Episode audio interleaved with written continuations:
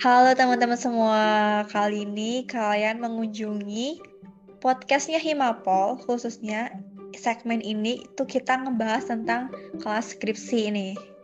Jadi seperti sesuai apa yang kalian klik, kita di sini bakal ngebahas tentang skripsi, struggle-nya, kayak gimana sih uh, skripsi itu, apalagi uh, penggarapannya setelah sempro gitu. Setelah kita kayak uh, banyak nih di luar sana uh, kalau udah semprot tuh udah kayak lega banget gitu. Padahal katanya kononnya lebih uh, juramnya tuh lebih terasa gitu malah justru setelah semprot gitu. Mungkin nggak tahu ya itu mitos atau atau atau gimana.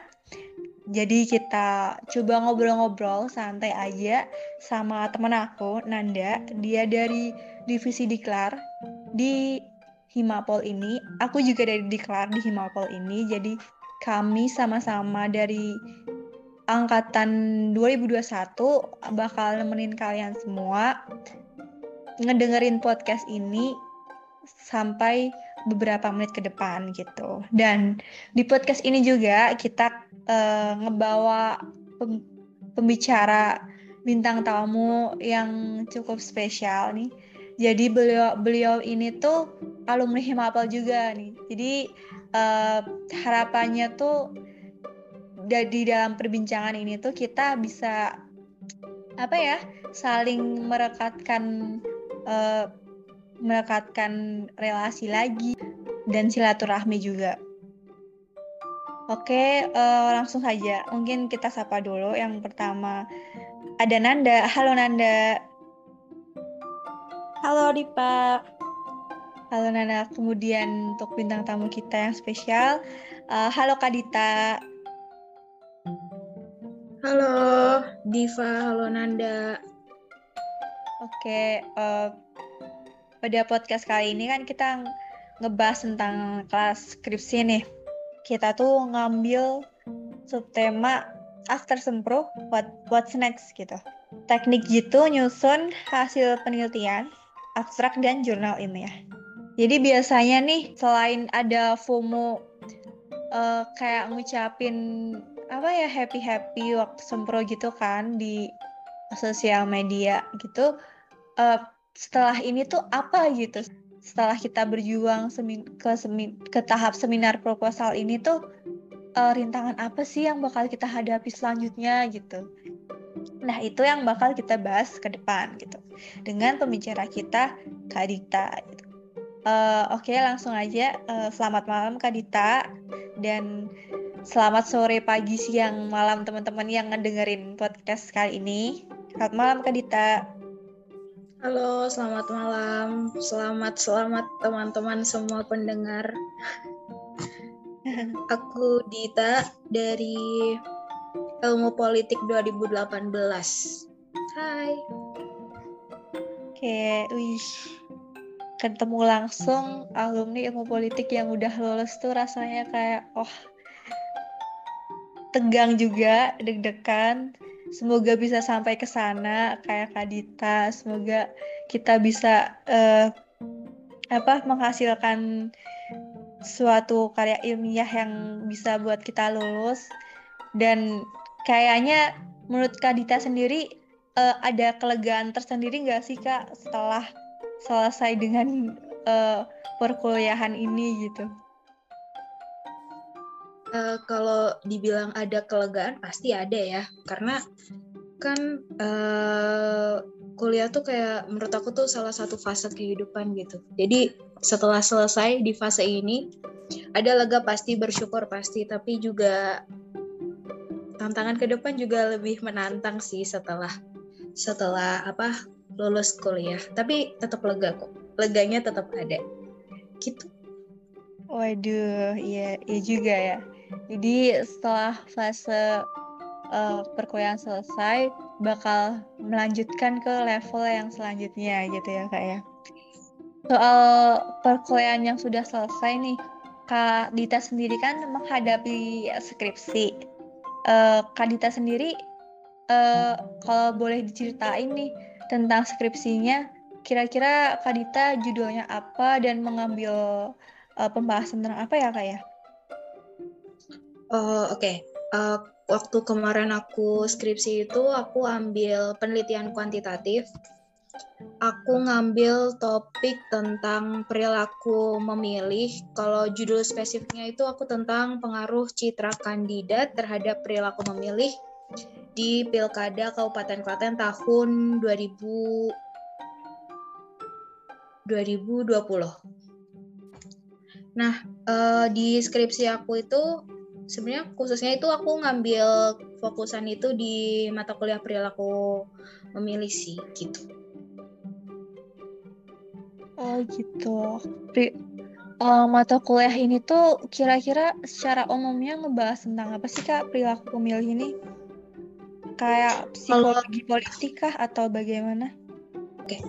Kalau uh, jadi aku ngambil fokusannya itu memang perilaku memilih. Nah, di sini kan aku ngambil variabelnya itu adalah citra kandidat di mana citra kandidat itu tuh uh, merupakan salah satu uh, aspek indikator dari uh, pendekatan yang ada di perilaku memilih namanya pendek namanya pendekatan psikologi. Nah, di, pendekatan psikologi itu salah satunya adalah perilaku memilih itu bisa dilihat dari uh, citra seorang kandidat yang mana nantinya citra seorang kandidat itu mempengaruhi uh, perilaku memilih pemilihnya. Dan perilaku pemilih di mana yaitu ketika uh, masyarakat melakukan uh, menentukan pilihannya atau kita kerap sebutnya voting gitu waktu pemilu.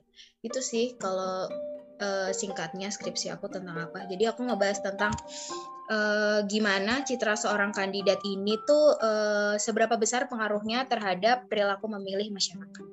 Khususnya di Pilkada Kabupaten Klaten tahun 2020. Jadi uh, uh, yang kakak bahas itu kurang lebih uh, kayak lebih ngebahas tentang hal-hal yang kayak psikologi atau antropologi gitu-gitu ya kayak kayak kemanusiaan yang ya aspek-aspek kemanusiaan yang uh, dibaurin dengan uh, ilmu politik itu sendiri kayak gitu nggak sih kak?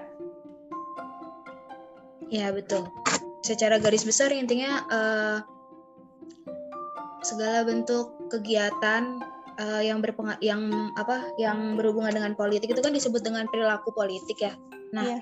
di sini aku ngambil turunannya dari perilaku politik itu perilaku memilih, perilaku memilih di dalam pemilu. Nah, terus abis itu aku kaitkan perilaku memilih itu dengan uh, citra kandidat yang mana citra kandidat itu merupakan salah satu penilaian dari uh, pendekatan psikologi untuk mengkaji perilaku memilih masyarakat gitu. Oh gitu. Ini tuh menurut aku sendiri ya topik yang menarik, menarik banget nih. Karena ya tadi ngambil dari perilaku politik gitu. Dari kakak sendiri, uh, kira-kira ingat nggak sih dulu itu uh, ada apa terinovasi atau punya ide gambaran aku ambil topik ini ah gitu. Atau aku pakai judul ini gitu. Itu tuh dari mana ya kak awalnya gitu? Uh, sebenarnya dari aku dapat ide untuk ngambil skripsi ini dari mana itu karena uh, dari awal aku kan memang udah ngambil mata kuliah peminatan itu ada beberapa mata kuliah peminatan. Salah satunya itu ada psikologi politik. Nah, waktu dapat mata kuliah psikologi politik, aku ingat banget itu di Ampus sama Bu Titis. Itu ada uh, di situ aku ber kayak tertarik gitu. Oh, ternyata bisa ya uh, kajian psikologi ini tuh dihubungkan dengan kajian politik. Nah, dari dapat ilmu di mata kuliah psikologi politik, kemudian waktu deket-deket untuk bikin proposal MPP itu uh, kan kita dituntut untuk menentukan judul ya. Di situ terus aku mencoba cari kira-kira aku harus ngangkat penelitian tentang apa atau apa yang menarik. Terus aku menemukan bahwa suatu fenomena fenomena sosial yang ada di Kabupaten Klaten khususnya itu tentang hmm, ada anomali lah istilahnya di mana uh, uh, kandidat yang maju di pilkada itu yang menang justru adalah kandidat petahana yang sempat terlibat banyak kasus. Nah, di situ aku langsung mikir bahwa ini menurut aku menarik karena uh, mungkin kalau kita pikir awam uh, orang yang sudah terlibat kasus orang yang sudah istilahnya uh, banyak di banyak ada omongan negatif gitu tapi tetap bisa menang kan adalah suatu hal yang loh kok bisa? gitu. Padahal kan uh, nalarnya atau mungkin mainstreamnya pikiran kita pasti mikirnya orang yang menang itu pasti orang yang punya citra positif lah orang yang memang memang intinya berkompeten lah dan segala macamnya. Tapi ini ini eh, kandidat ini sudah terlibat banyak kasus tapi tetap kepilih gitu. Nah di situ aku mencoba menghubungkan dengan uh, materi dari psikologi politik yang aku dapat di masa kuliah. Jadi itu akhirnya aku memutuskan buat ngambil ngambil skripsi tentang itu sih. Gitu Wah, kalau dari aku sendiri, wah menarik banget sih. Berarti uh, benar-benar ngelihat dari uh, masalah yang ada di sekitar kemudian kayak langsung dapat ide wah ini nih nggak sesuai kayak seharusnya nih harusnya tuh uh, mungkin paslonnya tuh yang emang citranya yang baik-baik yang kayak uh, kalau bisa nol kasus gitu ya kak tapi kebetulan ini beliau ada kasus tapi bisa menang gitu jadi kayak suatu sumber buat uh, curiosity kita gitu ya kayak. Betul, gitu. Oke, okay, uh, eh, ngomong-ngomong soal ini nih uh, skripsi yang kakak ambil, nah karena tema kita ini bakal banyak membahas tentang setelah sempro, dari kakak sendiri kira-kira inget gak ada kenangan tersendiri waktu uh, sem waktu sempro itu berlangsung, terus kemudian setelah sempro itu uh, bagaimana, apakah uh, ada sedikit rasa kecemasan atau mungkin malah rasa kelegaan karena akhirnya udah sampai di tahap sempro walaupun belum sampai uh, selesai gitu. Dan mungkin kalau misal ada struggle sebelum sempro itu uh, kira-kira apa misal biasanya nih kebanyakan dari kita tuh suka uh, ngelihat biasanya tuh udah ma mahasiswa tingkat akhir nih malah justru banyak kayak ada drama-drama perskripsian lah terus drama di samping itu. Nah itu kira-kira cara nyelesainnya dari kakak sendiri gimana nih waktu sebelum sempro sendiri sampai ke tahap sempro uh, kalau drama sebelum sempro itu uh, aku aku ada cerita menarik sih. Jadi gini, aku tuh awalnya nih uh, mau ngambil penelitian itu tentang kualitatif.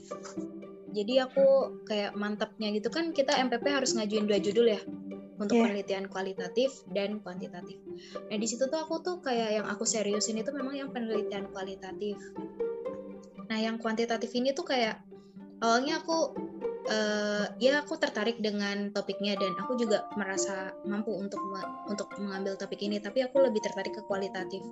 Nah ta uh, tapi endingnya karena dulu tuh ada model kalau nggak salah tuh namanya istilahnya tuh kayak percepatan gitu. Kalau misalkan nilainya nilai MPP eh nilai proposalnya itu di atas berapa gitu kalau nggak salah itu tuh bisa langsung ke sempro. Nah ternyata uh, surprisingly-nya itu uh, proposal yang aku tembus ke percepatan itu justru malah proposal yang kuantitatif gitu, bukan yang kualitatif. Nah, di situ aku cukup cukup dilema sih. Karena ya aku aku tuh mantapnya di kualitatif, kenapa malah yang tembus kuantitatif kan? Di situ sempat sempat aku mikir apa aku ambil kesempatan ini atau tetap tetap ke idealis aku untuk untuk ke kualitatif. Tapi ternyata setelah beberapa pertimbangan akhirnya aku memutuskan untuk mengambil kesempatan atau mengambil sebuah jalan apa ya hmm, istilahnya mungkin ya mengambil kesempatan itulah untuk masuk percepatan biar bisa langsung cepet sempro itu akhirnya ngambil kuantitatif. Nah karena di awal terus dramanya sendiri ketika aku memutuskan untuk ambil kuantitatif adalah karena dari awal mungkin aku tidak terlalu mantep gitu ya istilahnya buat ngambil penelitian ini jadi aku banyak uh, waktu bimbingan sebelum sempro itu aku banyak banyak revisi lah istilahnya. Kayak gitu mulai dari aku ganti lokasi penelitian terus aku harus cari data-data tambahan terus belum lagi masalah uh, ada istilahnya dulu tuh pra penelitian gitu. Pra penelitian itu aku cukup cukup struggle karena aku sempat terkendala izin izin dari desa yang aku maksud yang aku jadi mau jadiin lokasi penelitian. Itu sih kalau drama drama sebelum sempro. Itu paling uh, sama teknis bimbingan karena dulu aku juga masa-masa covid kan jadi aku bimbingannya bener-bener full online dan itu cukup cukup cukup menguras pikiran juga dan menguras tenaga karena antara uh, aku dan dosen gak bisa ketemu langsung dan ya gitu deh lama intinya bimbingannya itu Oke, itu jadi momen-momen yang kayak udah dikenang nih ya sebelum sempro tuh hektiknya udah kerasa banget nih. Terus kemudian waktu sempro sendiri gimana nih kak kira-kira? Waktu sempro sendiri eh, apa ya? Eh, pasti was-was, was-was pasti sih kayak takut, takut, cemas lah. Takut kalau nanti proposal aku uh, tidak apa banyak revisinya bahkan pahit-pahitnya takut kalau ternyata sempro aku gagal terus aku harus ngulang sempro lagi. Pikiran kayak gitu tuh ada tapi begitu dijalani uh, ya bisa terlewati dengan begitu saja gitu ya semua alhamdulillah lancar meskipun banyak catatan dan juga revisi-revisi di bagian-bagian yang cukup krusial. Tapi ya alhamdulillah sih bisa sampai di tahap sempro itu benar-benar dibilang lega lega sih. Yang mungkin tadi uh, Diva sempat sempat bahas untuk untuk intro tadi bahwa kalau habis sempro rasanya tuh lega gitu. Kayak ada satu beban yang udah terlewat. Bener bener itu bener tapi ternyata setelah sempro seperti dikejutkan oleh suatu keadaan yang wow lebih lebih struggle waktu habis sempro sih teman-teman. Oh iya, iya jadi terjawab ya mitosnya kalau emang habis sempro tuh bakal ada dinding yang lebih tinggi lagi untuk didaki gitu ya kayak kayaknya. Iya, tuh. Oke, udah nih di Sempro kita cukupkan pembahasannya karena emang kita bakal lebih banyak, banyak membahas tentang setelah Sempronya nih. Uh, aku ada beberapa pertanyaan nih kak tentang setelah apa yang terjadi setelah Sempro ini gitu. Untuk uh, mungkin yang pertama aku awali dengan kira-kira ada nggak sih kak kesulitan yang dihadapi setelah eh, ketika kita nyusun hasil penelitian gitu? Uh, kalau kesulitan yang ini khususnya aku ya, yeah. uh, kesulitan yang aku hadap, hadapi waktu menyusun hasil penelitian. Yang pertama itu karena lokasi penelitian aku itu daerah yang cukup terpencil dan istilahnya belum terbanyak terekspos data-datanya di internet. Jadi aku tuh harus cari data secara langsung di uh, di pemerintah desanya lah. Nah itu dari data yang aku dapat dari pemerintah desa itu cukup minim. Jadinya uh, aku agak kesulitan dalam menjabarkan identifikasi lokasi penelitian aku. Itu waktu nyus penelitian. Terus kendala yang kedua adalah kendala uh, teknis. Kayak misalkan kalau aku kan ngambil kuantitatif ya, di mana uh, hasil penelitian aku itu kan bentuknya olah data uh, statistik. Nah itu karena dulu waktu dulu waktu kuliah itu memang ada mata kuliah statistika sosial kalau nggak salah ya kan? Sampai sekarang mungkin namanya masih itu. Ada namanya statistika sosial tapi kita nggak diajarin yang namanya pengoperasian eh, aplikasi SPSS di padahal SPSS itu adalah alat utama untuk melakukan pengolahan data untuk aku kemarin penelitian.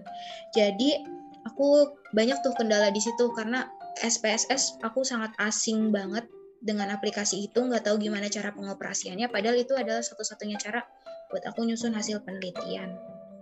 Itu sih. Oke okay, uh, eh, berarti uh, bagi teman-teman nih yang kayak misalnya mau ngambilnya yang kuantitatif nih penting banget nih ya untuk uh, apa mempelajarin SPSS eh, apa tadi kak? SPSS ya? SPSS ya. SPSS uh, ya supaya biar lebih uh, mudah lagi dalam prosesnya gitu. Uh, kalau dari zaman kita ya Nan ya, kita masih diajarinnya masih pengantar kak pengantar statistika sosial gitu. Jadi masih yang hal-hal yang bisa kita kerjain di Excel gitu.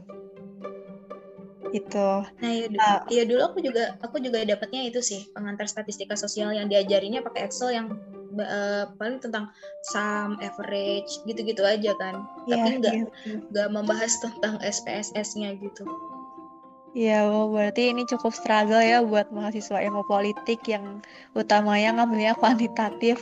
Aku dari aku sendiri sih kayak mikir sih juga sih kak, sama kayak kakak, kayaknya bakal ke kualitatif karena nggak suka banget sama angka dan data.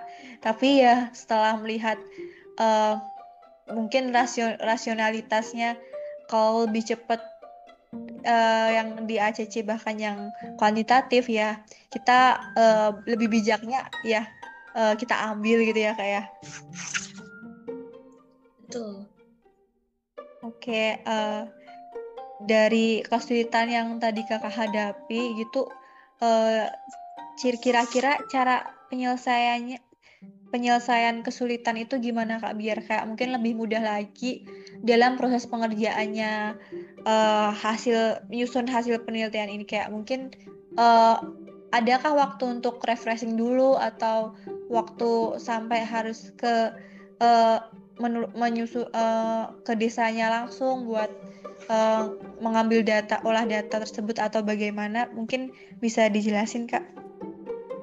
Uh, kalau gimana cara aku ngatasin kesulitan yang tadi aku sebutkan itu aku memang uh, untuk yang masalah pertama ya yang tentang identifikasi eh penjabaran identifikasi lokasi itu aku memang beberapa kali datang ke desa itu buat buat dapat uh, penjabaran yang menurut aku cukup nih uh, data yang cukup lah untuk menggambarkan lokasi penelitian. Dan aku juga uh, mencoba menjalin relasi dan juga komunikasi dengan aparat desa setempat gitu karena ya ya satu-satunya sumber biar aku udah tahu uh, tentang desa tempat aku meneliti ya dengan tentang tanya ke aparatnya kan karena pasti aparat desa yang paling yang lebih mengerti lah tentang desa tersebut.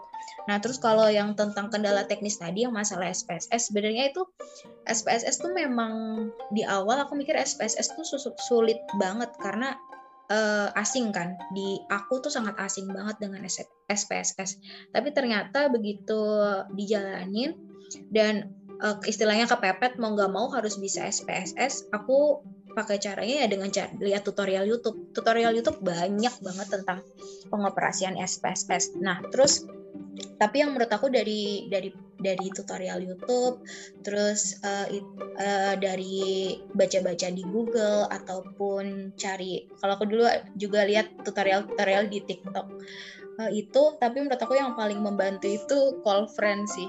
Aku banyak banget tanya ke teman-teman aku ke cutting aku. Bahkan uh, dulu dosen kalau dosen mungkin nggak tentang hal-hal teknis tapi lebih ke hal-hal yang substansial gitu. Tapi kalau yang temen tanya temen tanya cutting ini juga bentuk satu aku butuh pandangan lain atau ya pandangan lain tentang tentang hasil penelitian aku buat jadi apa ya insight baru gitu loh. Jadi itu juga bentuk refreshing juga sih menurut aku. Karena dengan ngobrol sama temen diskusi sama temen atau sama cutting tuh jadi nge-refresh nge-refresh otak dan lebih apa ya yang awalnya tuh mungkin stuck ataupun buntu gitu. Mau ngapain ini kita mau nulis apa lagi? Nggak bisa ngapain. Tapi setelah cerita sama temen setelah uh, ya berkeluh kesah lah itu terus jadi agak tercerahkan terus tahu selanjutnya mau ngapain. Tuh jadi mungkin buat teman-teman uh, meskipun skripsian itu sendiri-sendiri tapi eh, nggak uh, ada salahnya juga kalau teman-teman juga uh, tetap bangun komunikasi sama teman-teman yang lain gitu. Karena ya apa ya uh, meskipun kalian punya bebannya masing-masing tapi kadang dengan ngobrol tuh kalian bisa punya insight baru kalian yang awalnya buntu kalian terus jadi tahu mau ngapain. Gitu sih. Itu juga jadi hiburan jadi healing juga kalau menurut aku. Itu terus kalau sama cutting cutting tuh banyak membantu aku banget. Jadi menurut aku penting banget buat teman-teman bangun relasi sama cutting. Karena ya cutting kan dia udah istilahnya apa ya? Cutting kan yang uh, kakak tingkat kita yang udah istilahnya mengalami pengalaman ini lebih dulu gitu daripada kita. Jadi ketika kita tanya sesuatu yang dia pernah jalani itu dia pasti pernah eh, punya solusi lah ataupun setidaknya kalau nggak solusi dia bisa bagi experience ke kita gitu. Kalau misalkan mendapatkan kendala serupa, enaknya gimana gitu. Itu sih Oke. Uh, berarti penting banget ya untuk terbuka, untuk jangan menutup diri gitu dari uh, lingkungan sekitar. Mungkin kan ada yang kayak belum pas ngerjain skripsi itu kayak di di kamar kos mulu atau di rumah mulu kayak uh, bahkan sampai buat buka aplikasi WhatsApp atau sosial media aja kayak enggan gitu padahal itu mungkin bisa banget ngebantu buat proses selama proses pengerjaan skripsi ini mungkin lebih uh, lebih cepat lagi lebih efisien lagi gitu ya kayak ya? Betul betul betul. Oke okay, uh, setelah uh, struggle uh, kesulitan terus gimana cara mengatasinya tentang hasil hasil penelitian ini aku mau tanyain tentang tips dan trik apa yang harus dihindari nih selama nyusun hasil penelitian ini gitu. Kayak mungkin teman-teman juga pengen tahu nih biar uh, buat uh, pelajaran kita semua biar lebih efisien lagi, lebih efektif lagi dalam proses pengerjaan uh, skripsi kita nih apa sih hal-hal yang harus harus banget dihindarin selama kita ngerjain itu gitu? Uh, mungkin kalau tips and trick dan juga hal yang harus dihindarin ketika nyusun hasil penelitian itu menurut aku yang pertama teman-teman pahamin dulu tentang data yang teman-teman dapatkan ketika di lapangan gitu jadi setelah teman-teman turun lapangan pasti kan dapat data tuh. Kalau aku kan kuantitatif, cara aku memperoleh data yaitu dengan cara sebar kuesioner. Nah setelah aku sebar kuesioner itu aku baca satu persatu jawaban dari responden, lalu aku pahamin gitu. Uh, jadi um, di setiap butir pertanyaannya tuh uh, jawaban dari responden tuh seperti apa gitu. Nah nanti dari situ setelah dipahami uh, baru deh aku mulai tulis hasil dari uh, istilahnya apa ya hasil dari olah data aku yaitu olah datanya gimana aku langsung uh, susun di SPSS gitu sih kalau aku.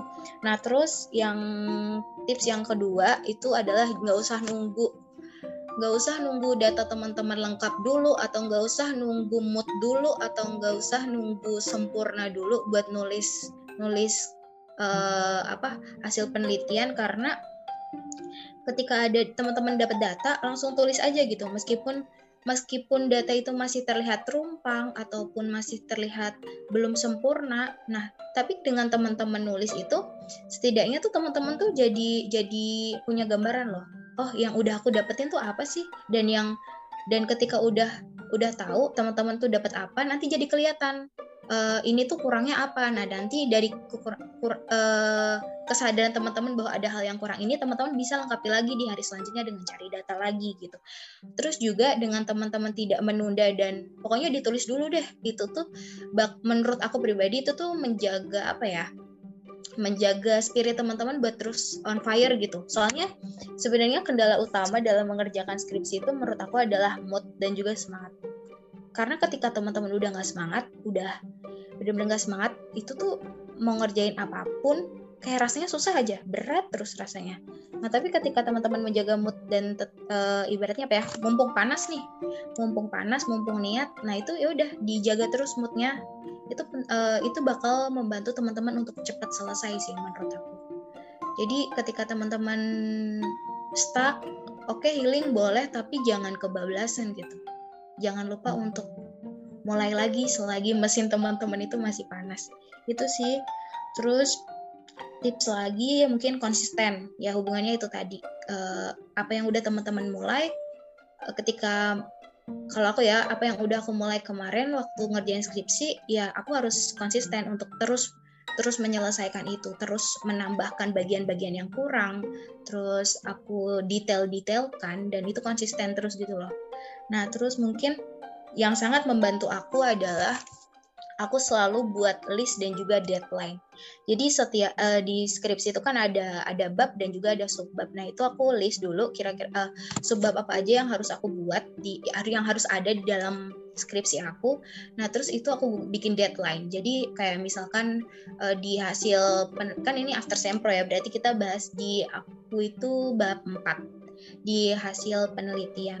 Nah itu kan ada ada subbab uh, deskripsi lokasi penelitian, terus ada juga uh, tentang latar belakang uh, eh bukan deskripsi lokasi penelitian terus juga ada hasil hasil analisis data kayak misalkan kita pakai uji korelasi uji distribusi normal ataupun enggak nah terus juga uji hipotesis nah di situ uh, apa ya aku deadline gitu. Aku harus selesai uji ini di tanggal berapa. Aku harus selesai uji ini di tanggal berapa dan itu aku aku rigidkan sampai dari awal aku mulai nyusun sampai dengan akhir aku selesai nyusun draft ya. Nyusun draft itu aku bikin deadline. Dan kalau udah dibikin deadline kayak gitu uh, yang ya tinggal satu yaitu komitmen di mana kita udah bikin deadline berarti kita harus tepatin deadline itu sendiri. Karena itu juga menurut aku suatu bentuk tanggung jawab dari uh, dari aku pribadi gitu sih. Itu terus yang harus dihindari menurut aku yang sangat penting adalah uh, dengan meminimalisir subjektivitas. Jadi di penelitian itu memang kadang kita tuh sudah punya nilai-nilai peneliti tersendiri gitu ya. Kita punya pandangan tersendiri tentang fenomena yang ada gitu. Tapi eh, pandangan kita itu jangan ter, eh, khususnya di kuantitatif ya. Kalau di kuantitatif memang mungkin nilai-nilai peneliti itu eh, jauh karena kita kan jauh dari subjeknya. Beda sama kualitatif. Kualitatif itu kita ada interaksi, ada ada proses dalam mengambil data itu kita interaksi langsung dan itu tuh sangat sangat rawan di mana nilai-nilai peneliti bisa masuk ke hasil penelitian. Nah itu itu sebenarnya nggak nggak kalau dulu aku dapat pelajaran metopen itu namanya e, subjektivitas peneliti itu nggak boleh kelihatan dan nggak boleh terlalu banyak dalam hasil penelitian gitu karena ya namanya hasil penelitian adalah suatu kajian ilmiah di mana itu harus sifat, sifatnya itu objektif gitu itu sih uh, jadi semakin objektif teman-teman dalam menyusun hasil semakin bagus juga menurut aku hasil hasil tulisan teman-teman. Itu itu tips trik dan hal yang harus dihindarin. Oke wah banyak banget nih. Wah uh, kayaknya uh, aku saranin buat teman-teman mungkin bisa siapin notes atau apa ya cacat ya kali ya. Karena saking banyaknya nih tips and tricks yang uh, bisa dikemas buat kita uh, saat kita ngerjain skripsi nantinya. Cukup ini ya pembahasan kita cukup panjang. Mungkin kali ini bisa diganti temen aku nih yang dari tadi juga udah ngedengerin pembahasan kita selama ini. Nanda mungkin ada ada yang mau ditanyakan atau bagaimana aku alihin ke Nanda ya Nanda. Oke, boleh masuk Nanda. Kalau dari aku nih ada pertanyaan. Nah, kalau kita nyusun skripsi itu pasti butuh sebuah referensi ya kak. Nah, untuk Kadita sendiri gimana sih kak caranya cari referensi yang relevan dengan penelitian yang kakak ambil? Aku cari data sekunder ya berarti. Data sekunder ataupun jurnal ilmiah yang relevan sama penelitian aku yang pasti itu aku sesuaikan dulu dengan topik dan juga variabel penelitian. Jadi aku cari referensi yang topik dan variabel penelitiannya itu mirip ataupun sama dengan punya aku gitu penelit di uh, sama dengan penelitian aku. Nah terus juga lebih mengutamakan uh, tulisan ilmiah yang ditulis oleh mahasiswa misalkan uh, yang tesis kayak misalkan oleh mahasiswa S2 ataupun itu hasil penelitian dosen.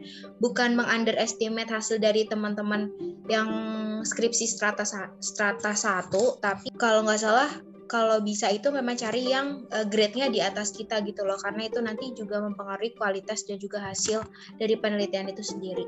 Terus juga tips lain milih jurnal ilmiah itu dengan cari referensi itu yang tahun penelitiannya itu nggak nggak berbeda jauh dengan tahun tahun penelitian kita gitu. Kayak misalkan kalau nggak salah itu ada aturan secara tertulis sih kalau di kampus kalau di kampus aku nggak pernah dapat not dari dosen ya untuk mengambil penelitian maksimal berapa tahun enggak tapi memang bagusnya itu jangkanya itu maksimal 5 sampai 10 tahun itu sih gitu. Itu untuk cari jurnal yang relevan. Oke, Nah, kalau dari Kadita sendiri ya, buat cari jurnal tersebut tuh biasanya dapatnya dari mana ya kak? Kayak misalkan ada website tertentu kah? Atau misalkan studi kepustakaan? Gimana ya kak kalau itu? Kalau aku gimana cari jurnal itu, aku kebanyakan memang jurnal ilmiahnya itu online. Itu aku dapat dari Google Scholar. Yang pertama pasti Google Scholar sih itu terus juga aku cari di nah ada aplikasi itu namanya Publish or Perish. Itu menurut aku aplikasi buat cari jurnal ilmiah itu bagus sih karena di situ dia lebih lengkap daripada Google Scholar dan juga lebih banyak juga isinya. Itu jadi menurut aku Publish Publish or Perish tuh kayak hidden gem gitu. Kalau sekarang istilahnya kayak hidden gemnya buat cari referensi buat penelitian. Terus juga aku cari referensi penelitian itu dari repositori repositori unsut khususnya terus sama perpustakaan-perpustakaan online universitas lain itu sih dari aku iya nih teman-teman dapat suatu tips nih dari Kadita referensi buat nyari jurnal ilmiah. Ya kak, terus um, aku ada satu pertanyaan lagi nih buat Kadita. Ada nggak sih kak suatu jurnal ilmiah yang pernah kakak temuin tapi dalam bentuk bahasa asing gitu kak? Pernah, pernah aku dapat itu. Dan kebanyakan jurnal asing itu justru malah apa ya? Justru malah fenomenanya tuh lebih beragam dan hasil penelitiannya tuh lebih bukan mainstream juga tapi kayak lebih banyak anomali-anomalinya gitu loh. Nah itu jadi malah aku kayak kalau setiap nemu jurnal asing tuh aku baca isinya kayak daging semua karena beda kadang kan lokasi penelitian juga beda kan pasti. Kayak di di negara lain ternyata juga ada fenomena yang sama. Nah itu. Nah mungkin aku kalau dapat jurnal asing kayak gitu misalkan aku agak kesulitan untuk memahami bahasanya aku translatein dulu. Dikit kan kalau kita baca baca jurnal itu nggak perlu yang kalau aku sendiri setiap baca jurnal tuh nggak yang aku dalamin per kalimat aku itu enggak sih. Jadi kayak di skipping aja gitu dibaca baca cepat aja kita cari poinnya itu sih kalau misalkan baca jurnal asing? Nah, kalau buat jurnal asing nih yang bisa dijadiin referensi bagi teman-teman yang sedang menyusun skripsi, Kadita ada nggak sih satu website atau aplikasi yang bisa dijadiin acuan untuk mencari jurnal-jurnal yang terakreditasi dan terpercaya gitu Pak? Kalau jurnal asing itu Gestor, kalau nggak salah namanya itu websitenya Gestor itu banyak kumpulan jurnal-jurnal asing mulai dari khususnya social science itu banyak dia di Gestor. Nah buat teman-teman itu ya di Gestor. Kasih ya Kak Dita atas waktunya bisa ngobrol-ngobrol asik nih sama kami. Terima kasih atas waktunya. Podcast ini kita akhiri ya Kak. Selamat malam. Eh, selamat malam. Makasih semuanya. Oke, selamat malam Kak Dita. Semoga sehat selalu dan uh, ya makasih banyak udah gabung dari awal sampai akhir. Kita ngobrol-ngobrol banyak nih. Semoga uh, ya di lain kesempatan kita bisa ketemu lagi ya kak ya. Amin. Aku juga yes. terima kasih dan semoga obrolan ini bermanfaat ya. See you Kak Dita.